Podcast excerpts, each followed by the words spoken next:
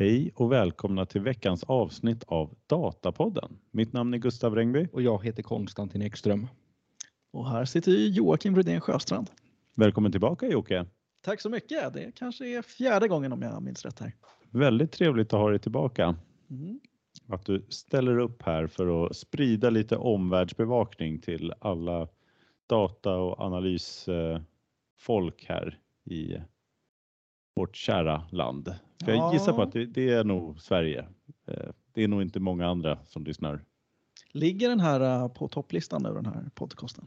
Ja, men den brukar ligga med på På svenska då? Det är, 100. Ja. ja på, mm. Men på svenska Apple, då? Ja, Apple Podcast har en, en lista som man kan se i alla fall. Sen så, vi finns ju på Spotify också. Mm. Men där brukar vi åka upp och ner lite grann på den listan för mm. topp 100 inom managementpoddar. Spännande. Vi delar plats med såna här eh, ledar HR-podden och vad de nu kan heta. Mm. Och så är det vi och eh, de, de som är inom så dataanalys är väl vi och AI Sweden tror jag också finns. Okej. Okay. Som brukar dyka upp där på listan. Mm. Mm. Ja, så det är väldigt kul. Men eh, ja, så att nu är du med i en toppliste-podcast. Ja, precis. Det är många avsnitt här såg jag. Över 70 stycken har mm. mm. Och det här är avsnitt 72 tror jag när vi har bestämt. Mm. mm. Ja, väldigt. Eh, det börjar bli en del. Mm. Men vi ska inte hålla på och sitta här och prata allt för länge. Vi, vi vet ju vad det är vi alla är nyfikna på. Det är artiklarna. Mm. Och vi har kommit överens om att Konstantin börjar idag. Ja, och det bubblar ju enormt mycket kring Fabric här. Jag hittade, det kommit upp eh, två nya artiklar här under veckan. Och jag tänkte så här, är de små, då får man ta två. Så att det är helt enkelt två nyheter här från Fabric. Den första här är att beslutsfattning blir enklare i Microsoft Fabric. Om än kanske inte just själva beslutsfattandet, men att få veta när någonting har hänt där man behöver fatta beslut Eh, blir nu enklare. Och nyheten är att funktionen Data Activator nu är i Public Preview. Eh, hela Microsoft Fabric är väl just nu i Public Preview så att längre än så kommer väl inte den funktionen just nu i närtid men eh, snart så. Men då kommer vi undra sig då, vad är Data Activator? Och det är helt enkelt en ny funktion som gör att man kan generera automatiska varningar, notiser och åtgärder baserat på den data som är åtkomligt från Fabric. Och syftet här det är helt enkelt att eliminera behovet av en kontinuell, kontinuerlig manuell övervakning av dashboards. Ehm, och rent konkret så kan man säga att det är en ny workload eller komponent som man kan välja under New på ett, på ett workspace där man annars hittar eh, Data Warehouse, Data Lake och alla de där andra komponenterna som man kan välja att skapa upp i ett, eh, i, i, ett workspace. Då. Och för att använda Data Activator så behöver man inte vara raketforskare eftersom man använder ett visuellt gränssnitt som inte kräver någon vidare teknisk kunskap. Och varningarna de kan också skapas direkt från Power BI så att eh, slutanvändarna själva kan sätta upp en regel så att exempelvis man kan få en notis eh, om en faktura har förfallit eller något gränsvärde har överskrivits eller sådär.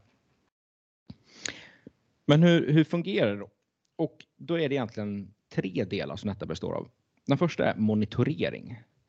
Data Activator övervakar den data som man kommer åt från Fabric och kan övervaka Power BI-visualiseringar samt realtidsdata i Fabric Event Streams.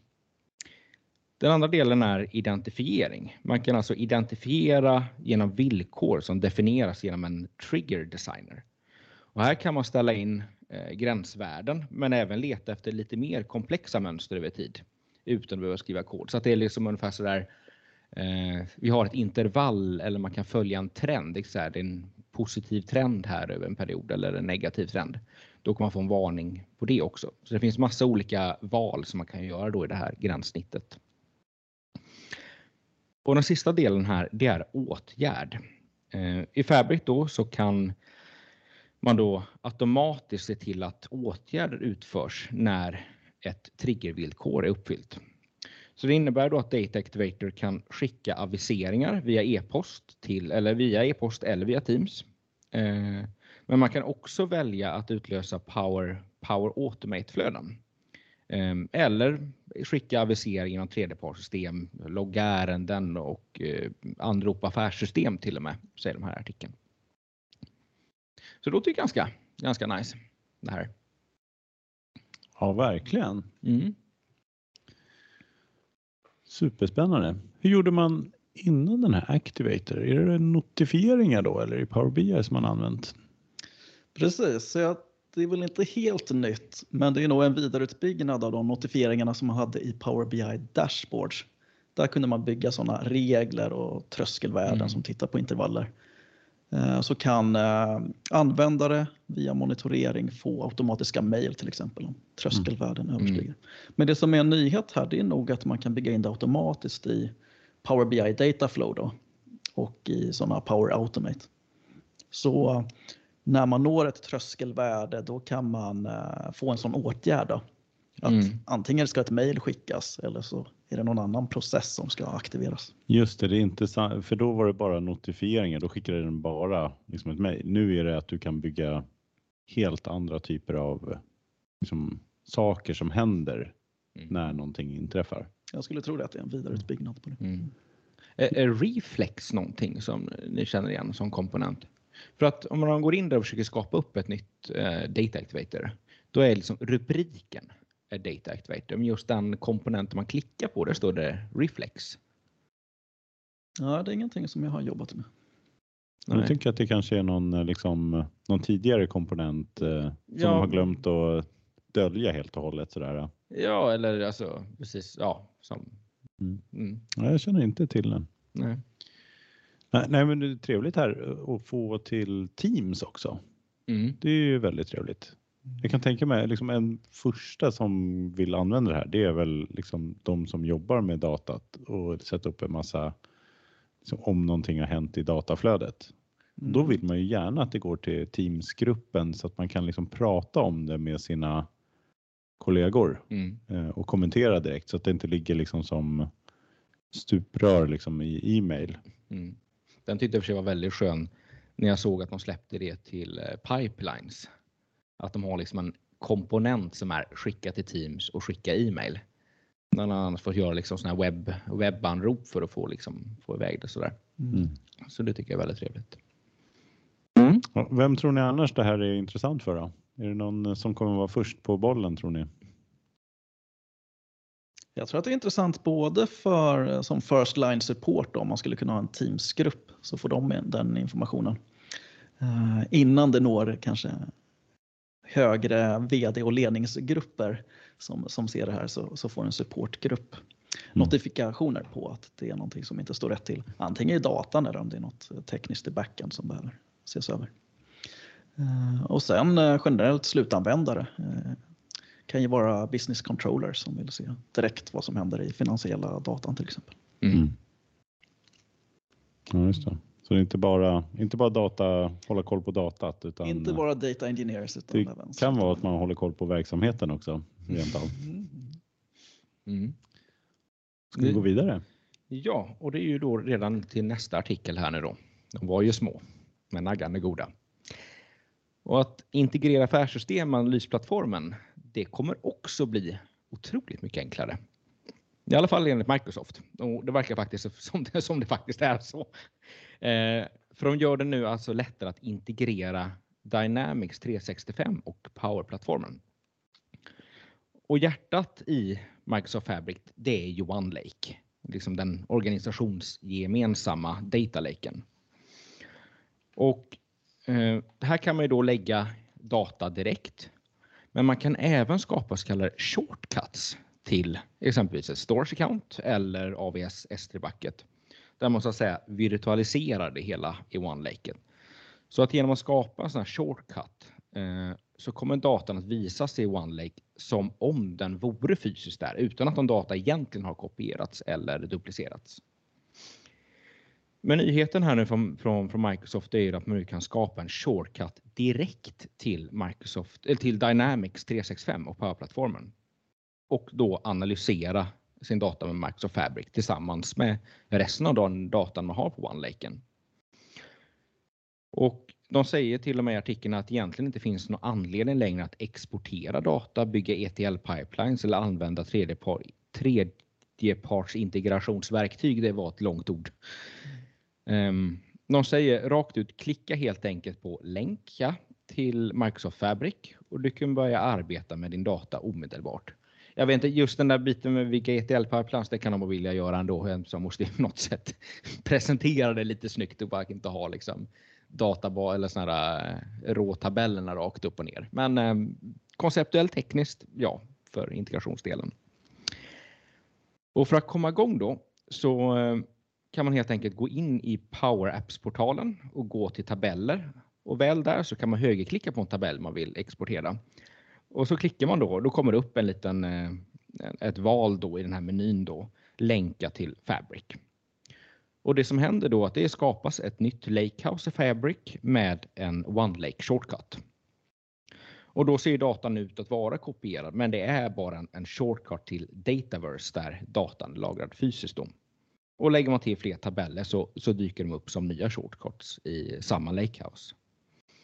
Och datan kan, kan sedan analyseras med ja, SQL PySpark eller direkt i Power BI om man vill använda direkt utan vidare transformeringar. Men sen så skriver de också att använder man Synapse Link så, så kan man istället gå till Synapse Link i Power portalen och välja Link to Fabric.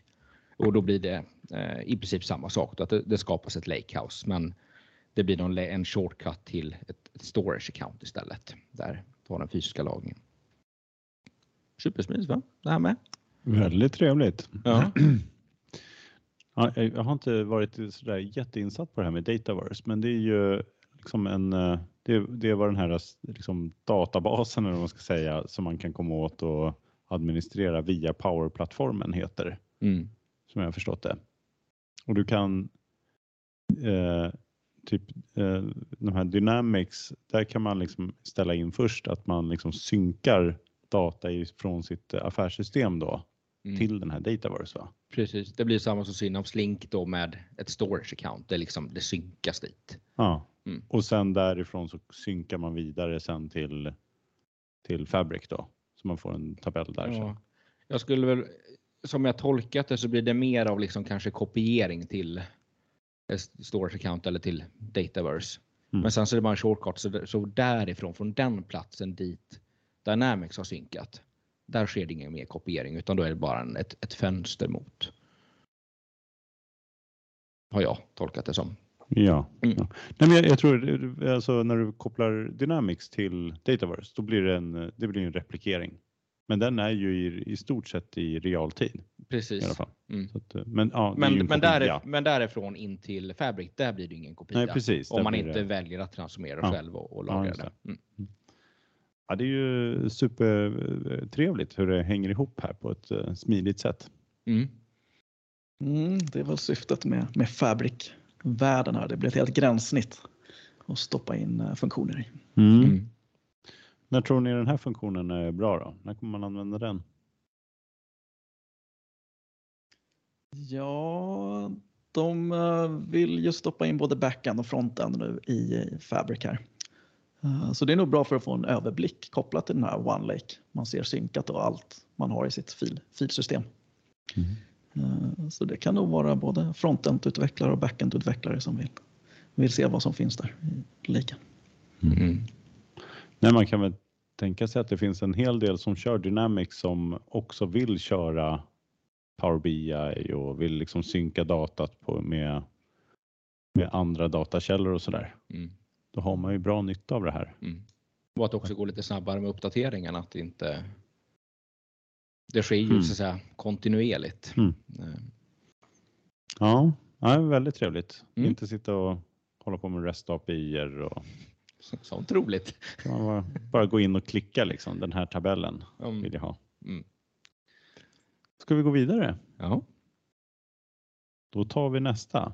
Nu är det inte så, är det lite produktnyhet men inte lika mycket som Fabric kan man väl säga. Det här är från eh, en, ett LinkedIn-meddelande egentligen från cirka 18 september. Från en Jochen Christ som är en av grundarna av Data Mesh Manager som är ett verktyg då, som man kan använda. Eh, en innovativ tjänst för att sköta styrningen av ett data mesh, en data mesh arkitektur. Och han, Jochen skriver på LinkedIn då att eh, han har släppt nu tillsammans med flera andra då någonting som de kallar för datacontract.com. Då säger eh, Jochen så här då. Datakontrakt sammanför dataleverantörer och konsumenter. Datakontraktet är först och främst ett verktyg för att skapa en gemensam syn hur data ska struktureras och tolkas. De tydliggör semantik och kvalitetsförväntningar. Senare fungerar de också som ett hjälpmedel för att kunna liksom utifrån de här kontrakten skapa automatiskt kod och tester. Så att Jochen et al då med, med vänner föreslår en då open source datakontraktspecifikation som är plattformsneutral. Och det har de då eh, tagit fram då på datacontract.com. Och de har gjort det här. Denna är då tillgänglig i en YAML-format. Är det yet another markup language? Betyder det va? Mm. Lite Ja, jo, jo, jo, men det låter lite komiskt. Ja. Som gör det möjligt att beskriva data. Och det är både att man liksom kan beskriva om datakällan är DBT-modeller, JSON, protobuf och SQL DDL. Alltså eh, DDL kommer jag inte riktigt ihåg vad det är, men det är liksom där man beskriver datastrukturen, typ create table i stort sett. Det är väl DDL.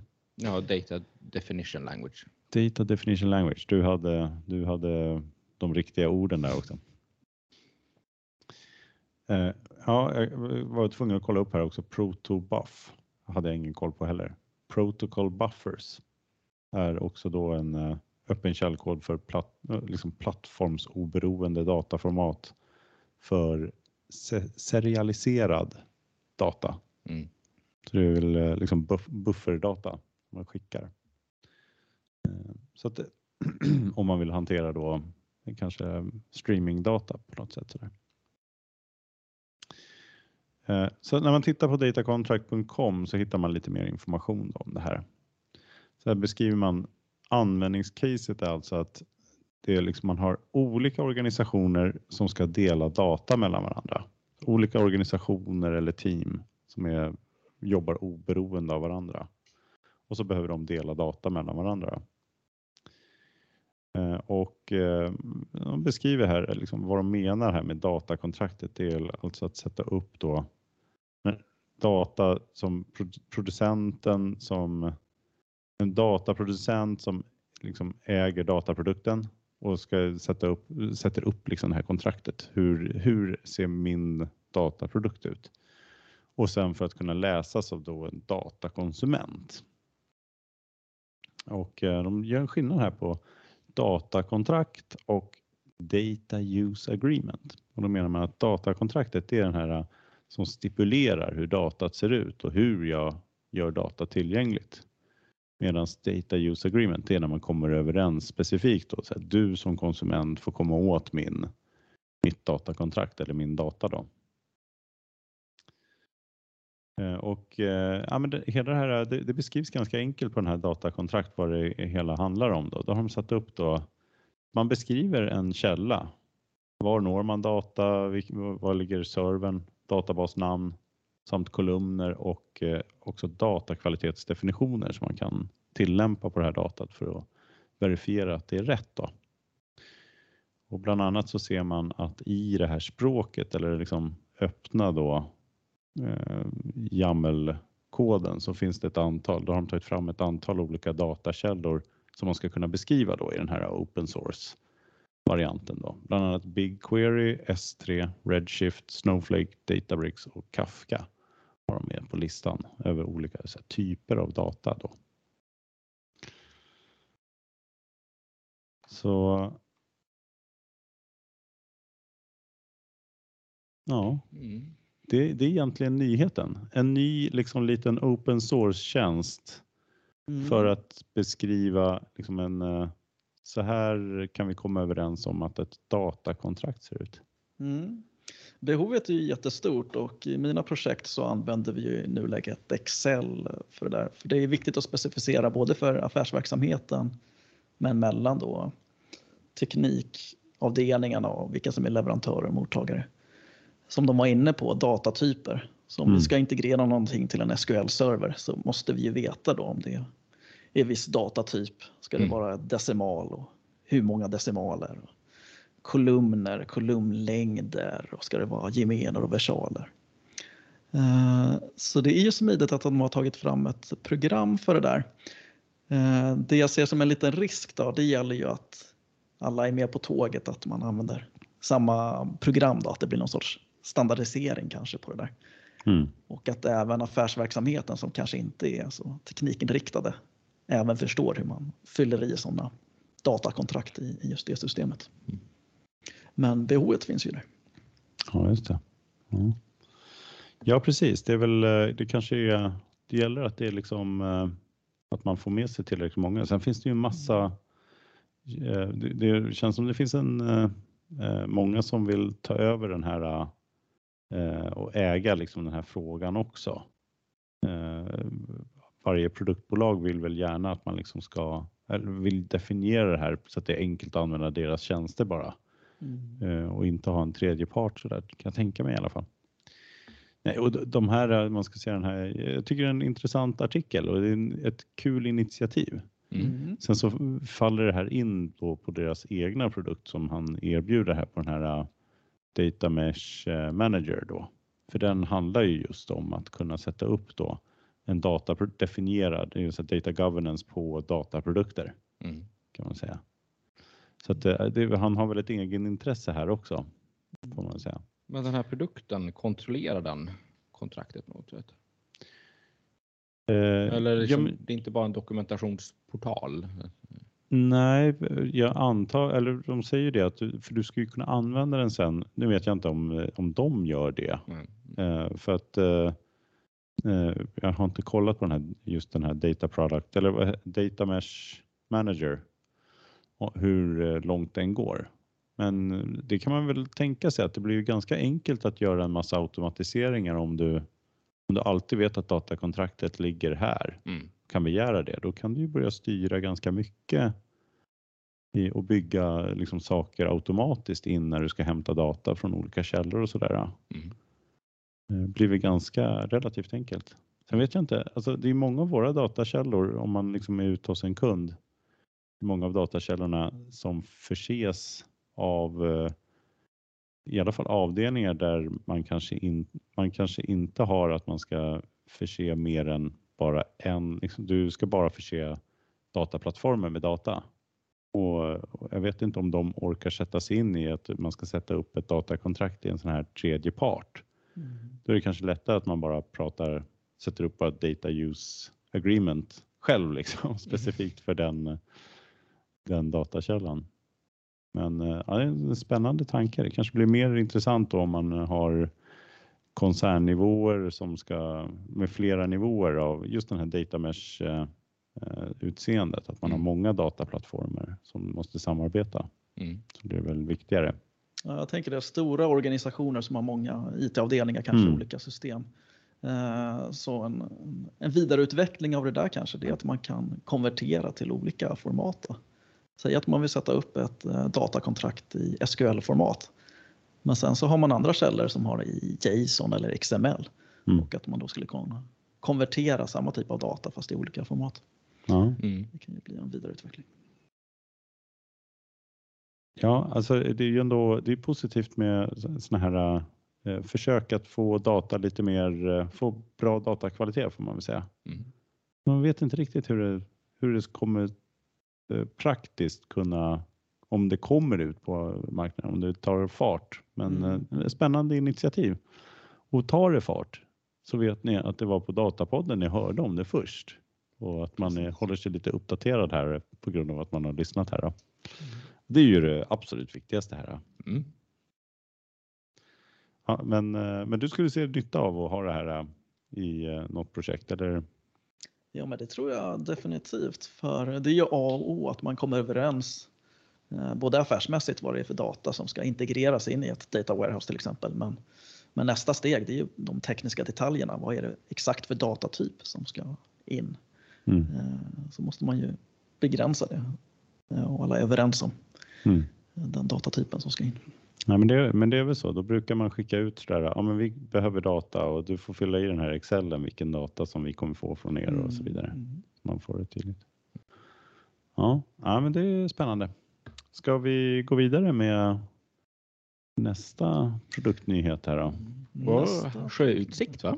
Sjöutsikt från Databricks. Eh, och eh, Databricks kom ut med en nyhet här 28 september.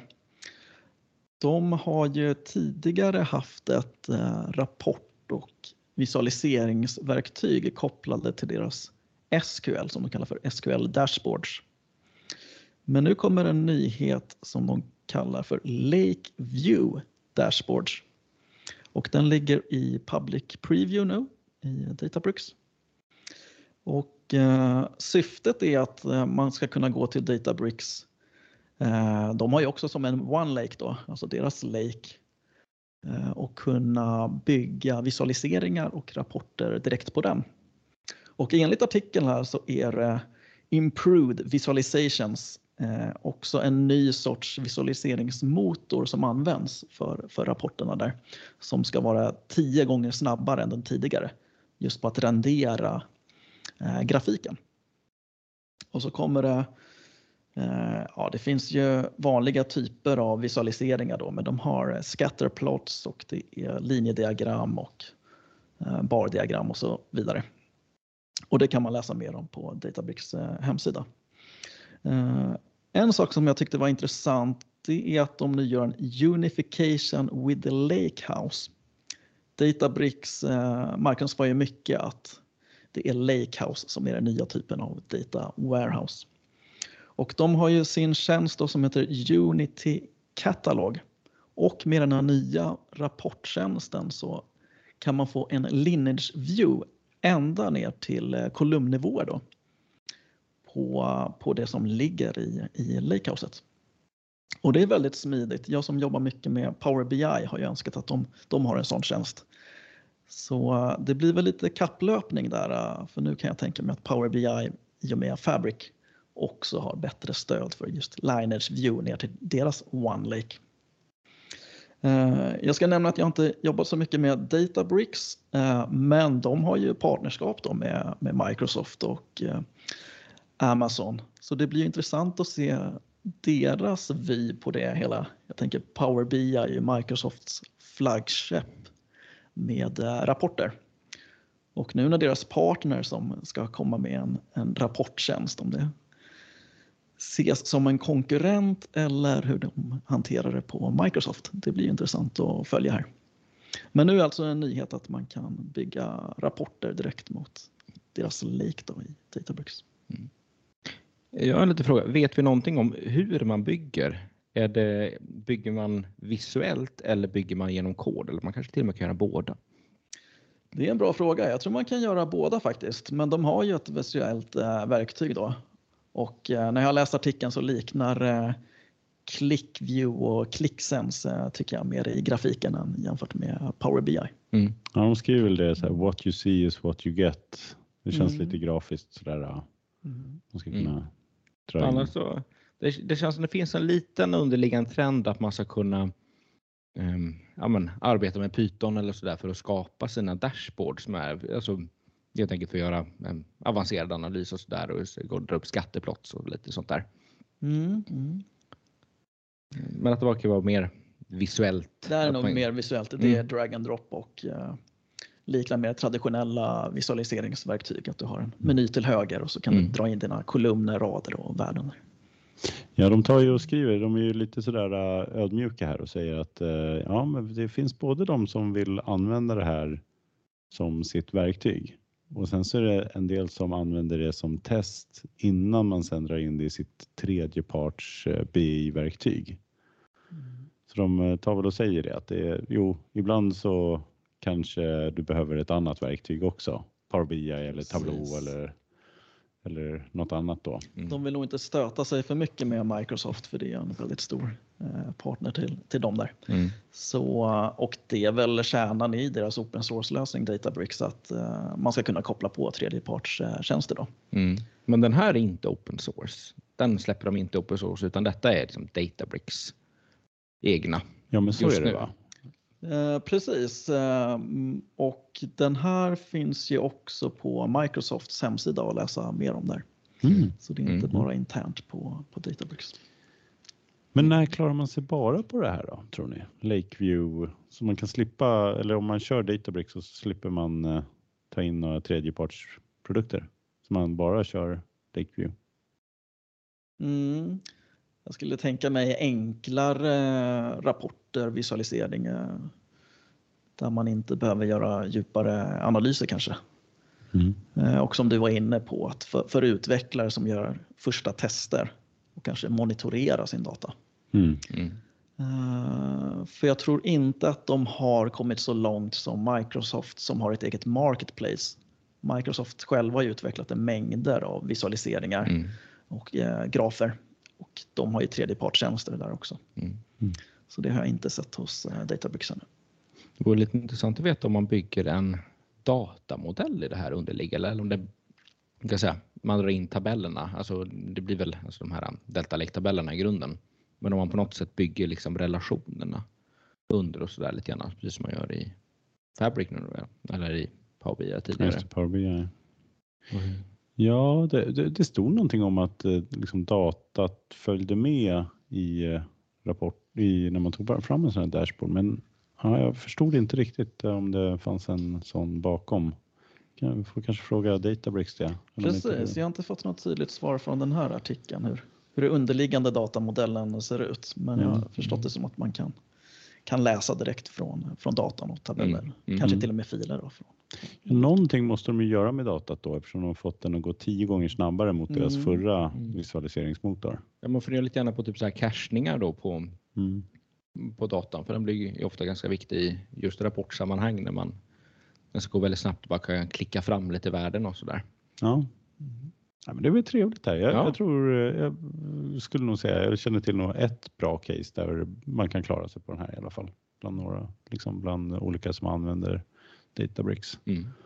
Så det finns nog en del som kan, eh, som kan rulla på med det här och få det att bli smidigt. Med, Mm. Och då är det ju trevligt att ha den där lite bättre mot eh, den tidigare. Den hette SQLDB bara eller något sånt där. Ja, precis. Databricks SQL Dashboards. Ja.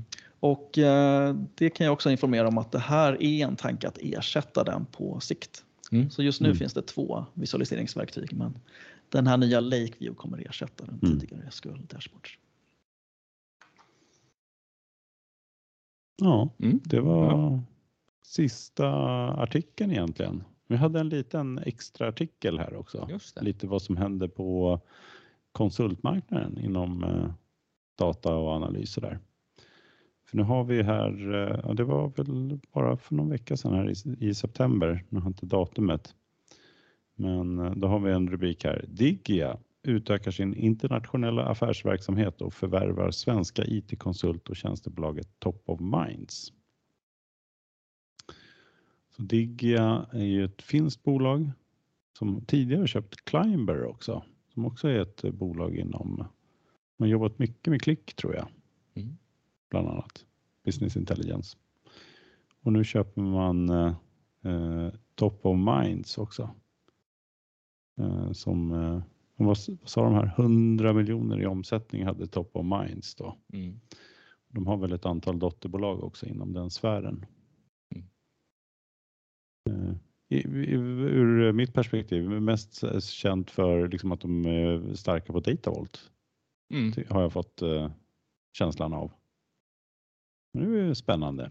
Absolut. Händer grejer på, på, i konsultbranschen också. Mm. Konsolideringar. Mm. Det var veckans avsnitt då. Ja. Vi ses nästa vecka. Ja, tack Jocke för att du var med igen. Jag kommer gärna tillbaka. Du är så välkommen så. Härligt. Tack, tack. Hej då. Hej då. Tackar. Hej då. Vakna klockan fem, det är mörkt nu som om idag